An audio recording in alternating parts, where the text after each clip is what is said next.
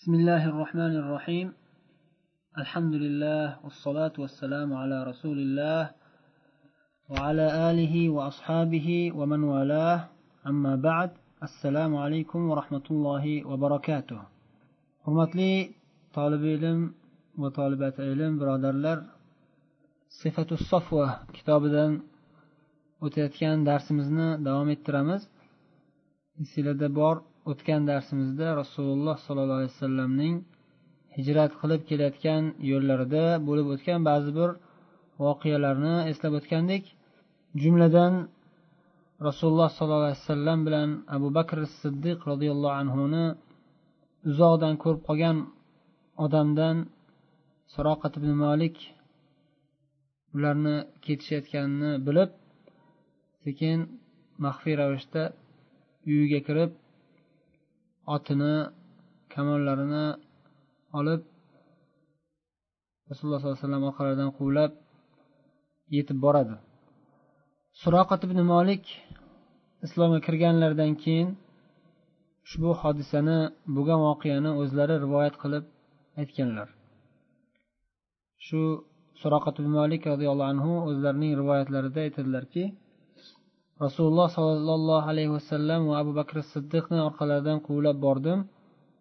Ularga yaqinlashganimda qarasam rasululloh sollallohu alayhi vasallam xotirjam holatda qur'on tilovat qilib ketayotgandilar. Abu bakr siddiq esa rasululloh sollallohu alayhi vasallamning hayotlariga xavfsirab hali rasululloh sollallohu alayhi vasallamning oldilari tomoniga o'tib hali orqalariga o'tib hali yonlariga o'tib mushriklar bostirib kelmayaptimikin bizni quvlab kelmayaptimikin deb xavotir olib tashvishda yo'llarni qattiq kuzatib borayotgan holatlarda bo'ladilar. Shunda abu bakr siddiq roziyallohu anhu suroqat ibn molikni quvlab kelayotganlarini ko'rib rasululloh sollallohu alayhi vasallamga qo'rquv ostida aytadilarki ya rasululloh bizni quvlab yurganlar orqamizdan yetib kelyapti deb qattiq qo'rqib ya'ni rasulullohning hayotlariga qo'rqib shunday deb aytib shunday so'zlarni gapirib yuboradilar. Ya'ni bizni orqamizdan quvlab yetib kelishdi deb yuboradilar. Shunda rasululloh sollallohu alayhi vasallam esa xotirjam holatlarida la tahzan innalloha ma'ana. G'amgin bo'lmang xafa bo'lmang tashvishga tushmang shak shubhasiz alloh taolo biz bilan birga deb abu bakrni xotirjam bo'lishlikka chaqiradilar. Suroqat molik rasululloh sollallohu alayhi vasallamni quvlashda davom etadi. To yaqinlashib qolganda otining oyoqlari yerga kirib ketib qoladi va natijada suroqat molik ustidan otilib yiqilib tushadi. Allohning bu rasululloh sollallohu alayhi vasallamga bo'lgan bir mo'jizasi rasululloh sollallohu alayhi vasallamni salomat saqlashligiga bir ishora va suroqaga bu bir dars birinchi dars bo'ldi. Ya'ni hech qanday sababsiz qattiq yerda otining oyoqlari yerga cho'kib ketdi. Bu alloh taolodan suroqaga bu birinchi eslatma birinchi dars bo'ldi. Suroqa yiqilib ketgandan keyin hayron bo'lib bu yerda bir gap bor deb qo'rqib orqalaridan quvlaysanmikin quvlamasammikin deb cho'plarini chiqarib fol ochdi ya'ni arablarda bunday narsalar odat bo'lib ketgan. Ya'ni bitta cho'piga quvlayman ularga zarar keltiraman deb yozadi. Boshqa ba'zisiga qo'ylamayman ularga zarar keltirmayman deb yozadi. Keyin aralashtirib ichidan bittasini tanlaydi. Qaysi biri chiqsa demak o'shanisini qilishim kerak ekan deb o'ziga xulosa chiqaradi yani. Birinchi marta shunday qilganda qo'ylamagin ularga zarar keltirmagin degan cho'p chiqadi yani. lekin bu oldida ikki yuzta tuyadek katta fursat turibdi. Agar payg'ambarimizni sollallohu alayhi vasallamni yoki abu bakrni hech bo'lmasa bittalarini bo'lsa ham ovlasa yuzta tuyaga erishadi shuning uchun bu qattiq qiziqyapti. Shunday oldida turgan fursat ketib qolishidan qo'rqib cho'plariga ham quloq solmadi. Yana otini oyog'ini chiqarib quvladi rasululloh sollallohu alayhi vasallam abu bakrni. Ya'ni orqalaridan yetib olishga harakat qildi. Yana alloh taolo ikkinchi dars ikkinchi eslatmani berdi suroqagaki otlarining oyog'i yana cho'kib ketdi yana ustidan yiqilib tushdi. Yana u cho'plarini chiqarib haliginday fol ochdi. Yana cho'plari bunga buyurdiki orqasidan o'ylamagin ularni zarar tekizmagin deb yozilgan cho'plar qo'liga chiqaverdi keyin otini oyog'ini sug'urib yana quvlayman deb harakat qilmoqchi edi. Otini oyoqlarini chiqarganda tutun kabi chang chiqib osmonga qarab uchib ketdi changlar. U yoqda bo'lsa rasululloh sollallohu alayhi vasallam so'roqaga duoibat qilayotgandilar. Alloh o'zing tinchitgin ya'ni orqamizdan quvlab kelayotganlarni ey olloh o'zing daf qilgin deb duo duoibat qilgandilar. Va buni suroqa sezdi. Sizlarni duoinglar ijobat bo'ldi. Endi judayam yaqin qolgandida sizlarni duoinglar ijobat bo'ldi.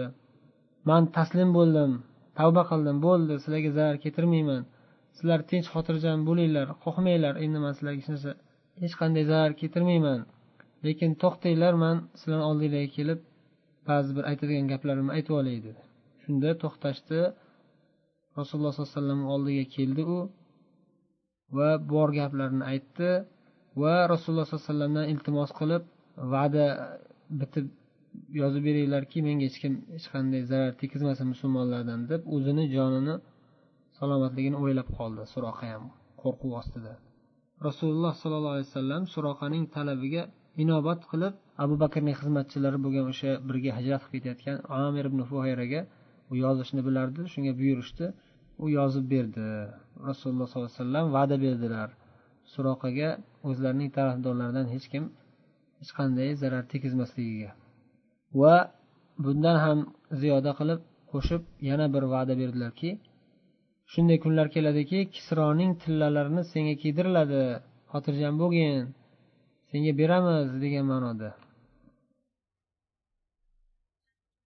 imom ibn javziy rahimaulloh yana bu yerda rasululloh sollallohu alayhi vasallamning hijrat qissalariga taalluqli rivoyatlardan yana birini keltirib aytyaptilar وعن أنس بن مالك رضي الله عنه أن أبا بكر رضي الله عنه حدثه قال قلت لرسول الله صلى الله عليه وسلم ونحن في الغار لو أن أحدهم نظر إلى تحت قدميه لأبصرنا فقال صلى الله عليه وسلم يا أبا بكر ما ظنك باثنين الله ثالثهما anas roziyallohu anhu rivoyat qilgan hadisda u kishi abu bakr roziyallohu anhudan hijrat qissasini so'raganlarida hijrat qissasini abu bakr siddiq roziyallohu anhu aytib berib jumladan g'orda bo'lgan bir holatni ham aytgandilar g'orda bekinib turishganda makkadan endi chiqishib uch kun g'orda bekinishganliklarini aytdikku o'tgan darslarda. Ana shu g'orda bekinib turishganda mushriklar hatto g'orgacha yetib kelishadi payg'ambarimiz sollallohu alayhi vasallamni qidirib bekinib yotgan joylarini izlab g'orgacha yetib kelishadi. Hatto rasululloh sollallohu alayhi vasallamni va abu bakrni ichkarida o'tirishganliklarini ko'zlari bilan yaxshilab qarashsa ko'rishardi. Lekin alloh taolo ularni ko'zlarini ko'r qilib qo'ydi o'sha yerda. Shuning uchun abu bakr aytyaptilarki rasululloh sollallohu alayhi vasallamga biz g'orda turgan paytimizda aytdimki ey rasululloh shularni bittasi oyog'ini tagiga qarasa ham bizni ko'rib qolardi. Hozir oyog'ini tagiga shundoq qarasa ko'rib qoladi bizni deb aytganimda rasululloh sollallohu alayhi vasallam xotirjam holatlarida abu bakrni ham xotirjam qilish maqsadida aytdilarki ya abu bakr ey abu bakr ikki kishi bo'lsak ham uchinchimiz olloh taolo bo'lgan zot. Olloh uchinchilari bo'lgan ikki kishining holati qanday bo'lishiga nima deysiz? deb eslatdilar.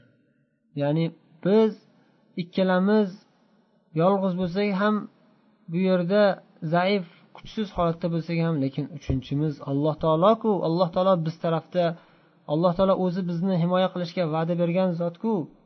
Xotirjam bo'ling degan ma'noda eslatgandilar.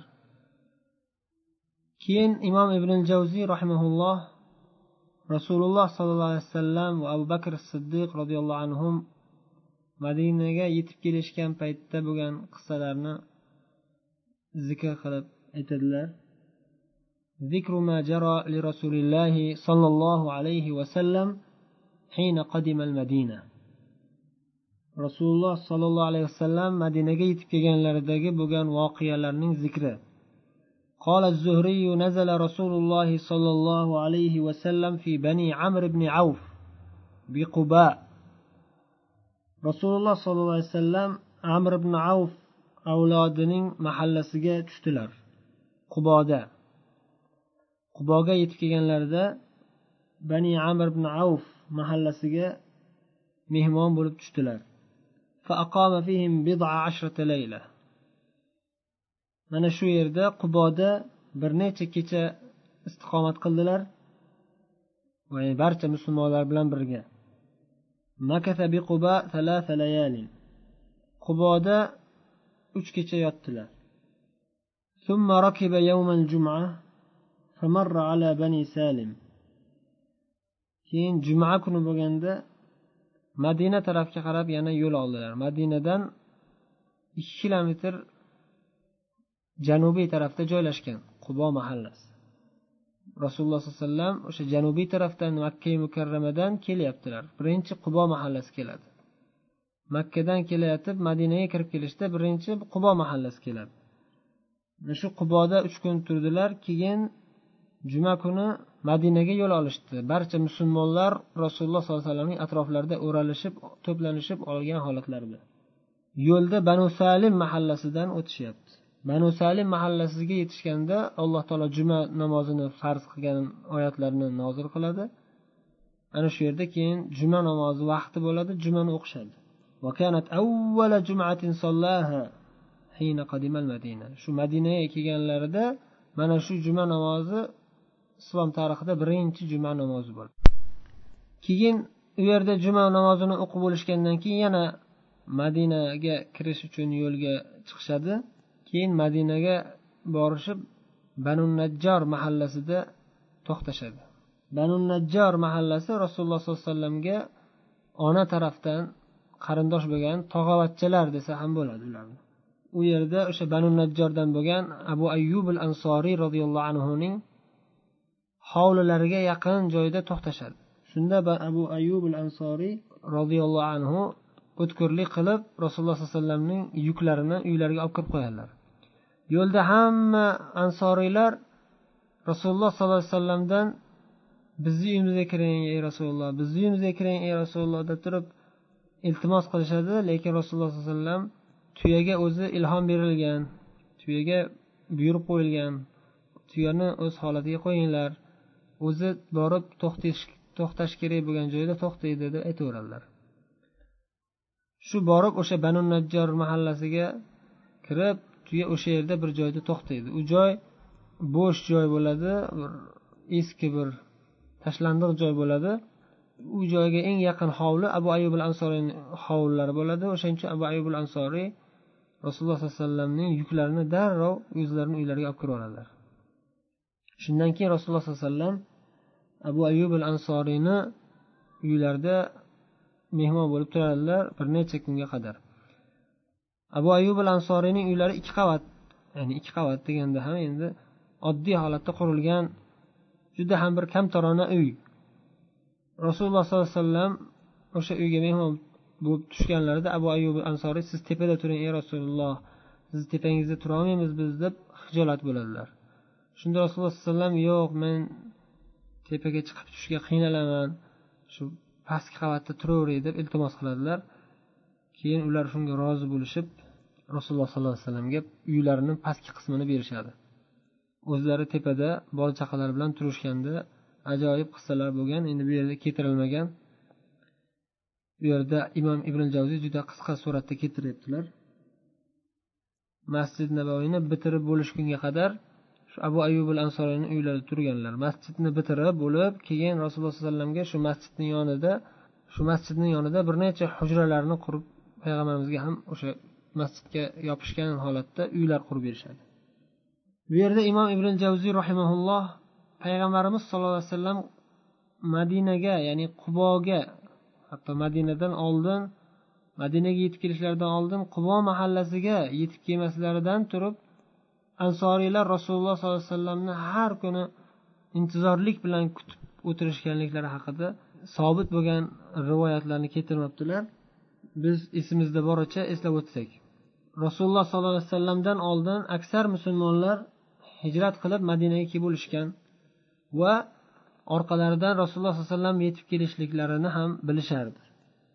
Bu yerda imom ibn javziy baro ibn azib roziyallohu anhu ansoriy bu kishi shu kishining so'zlarini keltirib aytadilar أول من قدم علينا ابن أم مكتوم الأعمى أخو بني فهر بني فهر أولاددان بوغان عبد الله ابن أم مكتوم رضي الله عنه ko'zlari ojiz bo'lgan sahobiy madinaga birinchi bo'lib hijrat qilib kelgan kishi shu edilar deb baro ibn azib aytyaptilar ya'ni bu kishini o'zi aslida hijratdan bir yil oldin rasululloh sollallohu alayhi vasallam musab ibn umayr bilan yuborgandilar.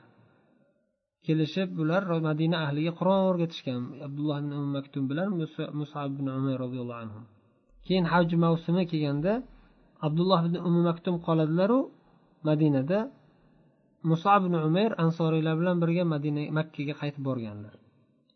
Demak shu bilan musob ibn umayrni e'tiborga olinmaydigan bo'lsa abdulloh ibn umi maktum birinchi bo'lib madinaga kelib shu yerda madinada qolib ketganlar o'shanga baro ibn azib roziyallohu anhu o'shanga abdulloh ibn um maktumni aytyaptilar birinchi bo'lib hijrat qilgan shu kishi edilar ثم قدم علينا عمر بن الخطاب في عشرين راكبا keyin umar ibn xattob roziyallohu anhu yigirmata musulmonlar bilan yigirmata sherik to'plab yigirma kishini to'plab umar roziyallohu anhu madinaga hijrat qilib kelganlar Endi umar roziyallohu anhuning shijoatlari mashhur.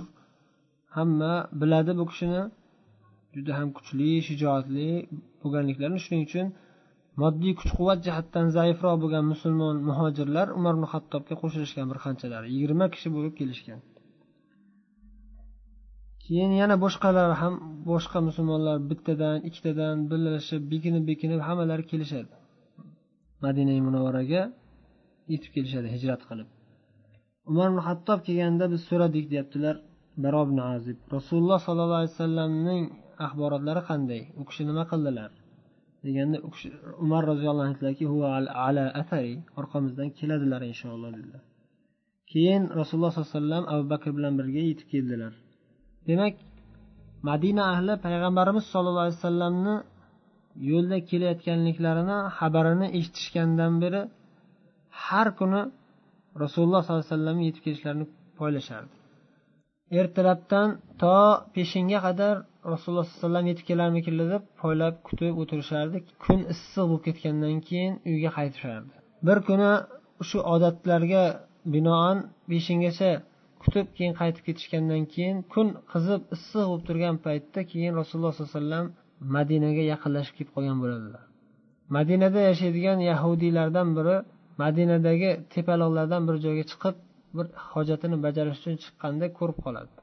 Rasululloh sollallohu alayhi vasallam kelishayotganliklarini ya'ni uzoqdan oq kiyimda ikki uch kishi kelayotganligini ko'rib aniq bu muhammad bo'ladi muhammad bo'lsa kerak deb ansoriylarga xushxabarni yetkazish uchun o'zini tutib turolmasdan hatto bir hissiyotga berilgan holatda ovozini boricha ey arablar sizlar kutayotgan sayyidinglar keldi mana deb e'lon qiladi. Bu katta bir xushxabarni eshitishgan barcha ansoriylar va muhojirlar darhol qurol yarog'larini ko'tarishib otilib chiqishadi rasululloh sollallohu alayhi vasallamni kutib olish uchun. Baland ovozlarda takbirlar aytishib butun madinani takbir ovozlari bilan jaranglatib rasululloh sollallohu alayhi vasallamni kelganliklariga juda ham qattiq xursand bo'lishib kutib olishadi. Butun madina ahli hammalari erkaklaru ayollaru qariyalaru yoshlar hamma chiqadi. Tarixda hech qaysi bir insonni bu darajada ulug'lab kutib olinmagan deyishadi tarixchilar. Rasululloh sollallohu alayhi vasallamdan boshqa hech kimni bu darajada ikrom bilan ulug'lab butun shahar ahli hammasi chiqib hech kim qolmasdan hammasi chiqib kutib olishi tarixda uchramagan voqealardan deyishadi. Rasululloh sollallohu alayhi vasallam bilan birga hammalari qubo mahallasiga yetib kelishadi keyin. O'sha quboda bir necha kun turishib qubo masjidini quriladi. Keyin juma kuni yana madinaga yo'l olishib butun madina ahli hammalari rasululloh sollallohu alayhi vasallamni atroflarida o'ralishib yo'lda o'sha banu solim mahallasida juma farz bo'lib jumani o'qishib yana yo'lda davom etib madinaga kirib kelishadi.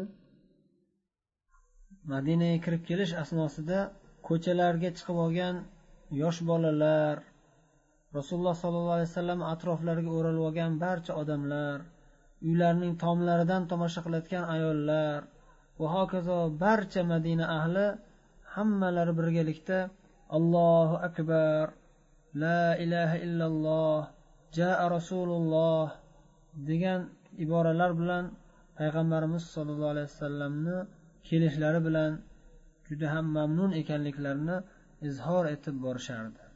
Shunday qilib rasululloh sollallohu alayhi vasallam madinaga kirib kelgan kunlari madinaning tarixida eng buyuk kun bo'lib anas roziyallohu anhu aytganlaridek anarat minha kullu shay. Rasululloh sollallohu alayhi vasallamning madinaga kirishlari bilan butun madina nurga to'ldi. Rasululloh sollallohu alayhi vasallam madinai munavvaraga yetib borishlari bilan eng birinchi qilgan ishlari masjidi nabaviyni qurdilar. Yuqorida aytganimizdek abu ayub al ansoriyning uylarida vaqtincha joylashib turdilar va tez kunda rasululloh sollallohu alayhi vasallamning masjidlari bino qilindi. Masjid bino qilinishida ham oddiy soddagina suratda soddagina tarzda masjidni mukammal bino qilib tamomlashdi. Masjidni bino qilish asnosida rasululloh sollallohu alayhi vasallamning o'zlari ham sahoba ikromlar bilan bab barobar g'ishtlarni toshishda qatnashib imkon qadar o'zlari ham birgalikda ishladilar. Tezda masjidni qurib bitirishlari bilan musulmonlar muhojir va ansorlar hammalari birgalikda rasululloh sollallohu alayhi vasallamning orqalarida besh vaqt namozni jamoat bo'lib ado etishardi. Namoz vaqtini e'lon qilish masalasida nima qilishlariga hayron bo'lib turishganda alloh taolo ba'zi bir sahobiy kiromlarning tushlarida bir farishtani yuborib ozon chaqirishni o'rgatadi. Va shu bilan rasululloh sollallohu alayhi vasallam bu haqiqiy olloh tomonidan bo'lgan bir tush deb ozon chaqirishni buyuradilar. Bilol al habashiy roziyallohu anhu islomdagi eng birinchi muazzin bo'lib besh vaqt namozga ozon chaqirishni boshlaydilar. Rasululloh sollallohu alayhi vasallam madinaga kelganlaridan keyin ikkinchi o'rinda amalga oshirgan eng buyuk ishlari muhojirlar bilan ansoriylarni bir birlariga birodar qilib tayinlab chiqishlari bo'lgan. Alloh taolo ansoriylarni qur'oni karimda ko'p maqtagan. Rasululloh sollallohu alayhi vasallam ham hadisi shariflarda ansoriylar haqida juda ham ko'p muborak hadislarni aytib ularning haq huquqlarini fazilatlarini bayon qilganlar. Ansoriylar muhojirlarni o'zlariga aka uka deb bilishib hatto o'zlaridan ko'ra afzal bilishib qo'llaridagi bor mol mulklarini teng bo'lishishardi va hatto o'zlaridan ustun ko'rib barcha yaxshiliklarni muhojirlarga ravo ko'rishardi. Muhojirlar ham o'z vazifalarida suslashmasdan ansoriylarning mollariga boyliklariga osilmasdan o'zlari harakat qilib o'zlarining peshona terlari bilan ishlab pul topishardi. Bu borada juda ham ko'p ibratli qissalar bor. Shulardan bittasini qisqacha eslatib o'tsak abdurahmon ibn avf roziyallohu anhu bilan u kishining birodarlari ansoriylar ichidagi eng boy sahobiylardan bo'lgan sad ibn robi roziyallohu anhuning o'rtalarida bo'lgan suhbatni zikr qilib o'tamiz. Sad ibn robi roziyallohu anhu bilan abdurahmon ibn avfni rasululloh sollallohu alayhi vasallam bir birlariga birodar qilib qo'yganlarida sad ibn robi aytdilarki ey abdurahmon ey birodarim men ansoriylar ichidagi eng boy eng imkoniyatim keng bo'lgan odamman. Ikkita bog'im bor. Ikkita bog'imdan qaysi biri sizga ma'qul kelsa ana shunisini oling. Ikkita ayolim bor. shu ikki ayolimdan xohlaganingizni tanlang men taloq qilaman iddasi chiqqandan keyin o'zingiz o'sha ayolga uylanasiz dedilar. Shunda abdurahmon ibn avf aytdilarki barakallohu laka fi ahlika va malik valakin dullani ala suq. Alloh taolo sizga o'z ahlingizu molingizda barakotlarini yog'dirsin. Menga esa siz bozorni ko'rsating deb bozorga ketib bir hafta o'tib o'tmasdan alloh taoloning rizqu nasibalari ko'payib abdurahmon avf roziyallohu anhu boyib ketdilar va ansoriy qizlardan bir qizga uylandilar. Boshqa ansoriylar ham muhojirlarga mana shunday saxovat bilan chin qalblaridan barcha mol mulklarini taqdim etishardi. Muhojirlar ham o'zlarini peshonalari bilan topib o'zlari harakat qilib rizq topishni xohlashardi. Ansoriylarning mollariga boyliklariga og'ir yuk bo'lishmasdi aslo. Bularning barchalari bizga rasuli akram muhammad sollallohu alayhi vasallamning tarbiyalari naqadar ham buyuk ekanini ko'rsatadi. Bu qissalar bu ibratli hikoyalar qarshisida biz keyingi davrda kelgan musulmonlar e'tiborsiz bo'lmasligimiz kerak. Rasululloh sollallohu alayhi vasallamning tarbiyalari naqadar ham buyukligiga jiddiy ahamiyat berib sahoba ikromlar ibodatu axloqu amalda qanchalik fidoyi bo'lishgan bo'lsa biz ham ana shularga o'xshashga jiddiy harakat qilishimiz zimmamizdagi eng katta mas'uliyatlardan va bu siray nabaviya va sahoba ikromlarning hayotlaridan o'qiydigan darsimizning eng asosiy samarasi bo'lishi kerak. Madina hayotining boshlanishida sahobiy ikromlar madinaga yangi ko'chib kelgan muhojirlar madinaning havosiga o'rganishlari biroz qiyin bo'ladi. Chunki madinada payg'ambarimiz sollallohu alayhi vasallam hijrat qilib kelishlaridan oldin bir kasallik tarqagan edi. Madinaga o'rganmaganlar madinaga kelsa boshi og'rib isitmasi chiqib yotib qolardi. Oysha roziyallohu anho madinaga hijrat qilib kelishgan vaqtlarini hikoya qilib aytadilarki قدم النبي صلى الله عليه وسلم المدينة وهي وبيئة nabiy sollallohu alayhi vasallam madinaga kelgan vaqtlari madinada bir kasallik tarqagan edi buning oqibatida abu bakr roziyallohu anhu ham bilol roziyallohu anhu ham kasal bo'lib boshlari qattiq og'rib istimalari chiqib yotib qolishdi istimalari qattiq ko'tarilib ketganidan ta'sirlanib she'rlar to'qib makkani qattiq sog'inishardi hatto bilol roziyallohu anhu makka mushriklarini duoibat qilib اللهم لعن شيبة بن ربيعة وأمية بن خلف كما أخرجونا من مكة ey olloh shayba ibn rabia umay ibn xalaf va shunga o'xshaganlarni o'zing la'natlagin ular bizni makkadan quvib chiqarishdi derdilar rasululloh sollallohu alayhi vasallam sahoba ikromlarni muhojirlarni qiynalib kasal bo'lib yotib qolishganliklarini ko'rib rahmlari kelib duo qildilar اللهم حبب إلينا المدينة كحبنا مكة أو أشد اللهم صححها وبارك لنا في صاعها ومدها ey olloh bizga madinani xuddi makkani yaxshi ko'rganimizdek yoki undan ham ko'ra ko'proq yaxshi ko'radigan qilib qo'ygin biz madinani sevadigan makkadan ham ko'ra ko'proq yaxshi ko'radigan bo'laylik ey olloh madinani kasalligidan qutqargin madinani sog'lik salomatlik shahri qilib qo'ygin Va bizga madinada barcha rizqu nasibalarimizni mo'l ko'l qilgin deb duo qildilar.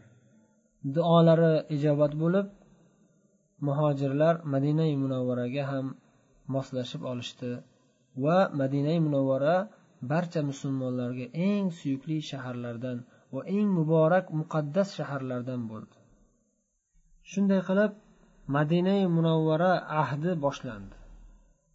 Makkai mukarramada rasululloh sollallohu alayhi vasallam o'n uch yil mobaynida faqatgina la ilaha illalloh muhammadur rasululloh tavhid kalimasiga chaqirardilar va go'zal axloq odoblarga ham qattiq e'tibor berib mustahkam turardilar. Halollik pokizalik kamtarlik sabru toqatli bo'lishga chiroyli xulqlar bilan xulqlanishga qattiq ahamiyat berardilar. Demak makkada asosan tavhid kalimasiga va axloq odoblarga e'tibor berib rasululloh sollallohu alayhi vasallam barcha sahobalarni buyuk tarbiya bilan tarbiya qildilar. Madinai munavvaraga kelganlaridan keyin ikkinchi bosqich boshlandi. Bu bosqichda ham eng birinchi o'rinda yana tavhid kalimasi va buyuk odob axloqlarga qattiq ahamiyat berilardi. Eng katta ahamiyatni va shu bilan birga islom ahkomlari birin ketin nozil bo'la boshladi bugun shu bilan kifoyalanamiz inshaalloh keyingi darsda kelgan joyimizdan davom ettirishga harakat qilamiz وصلى الله وسلم وبارك وأنعم على نبينا محمد وعلى آله وأصحابه أجمعين والسلام عليكم ورحمة الله وبركاته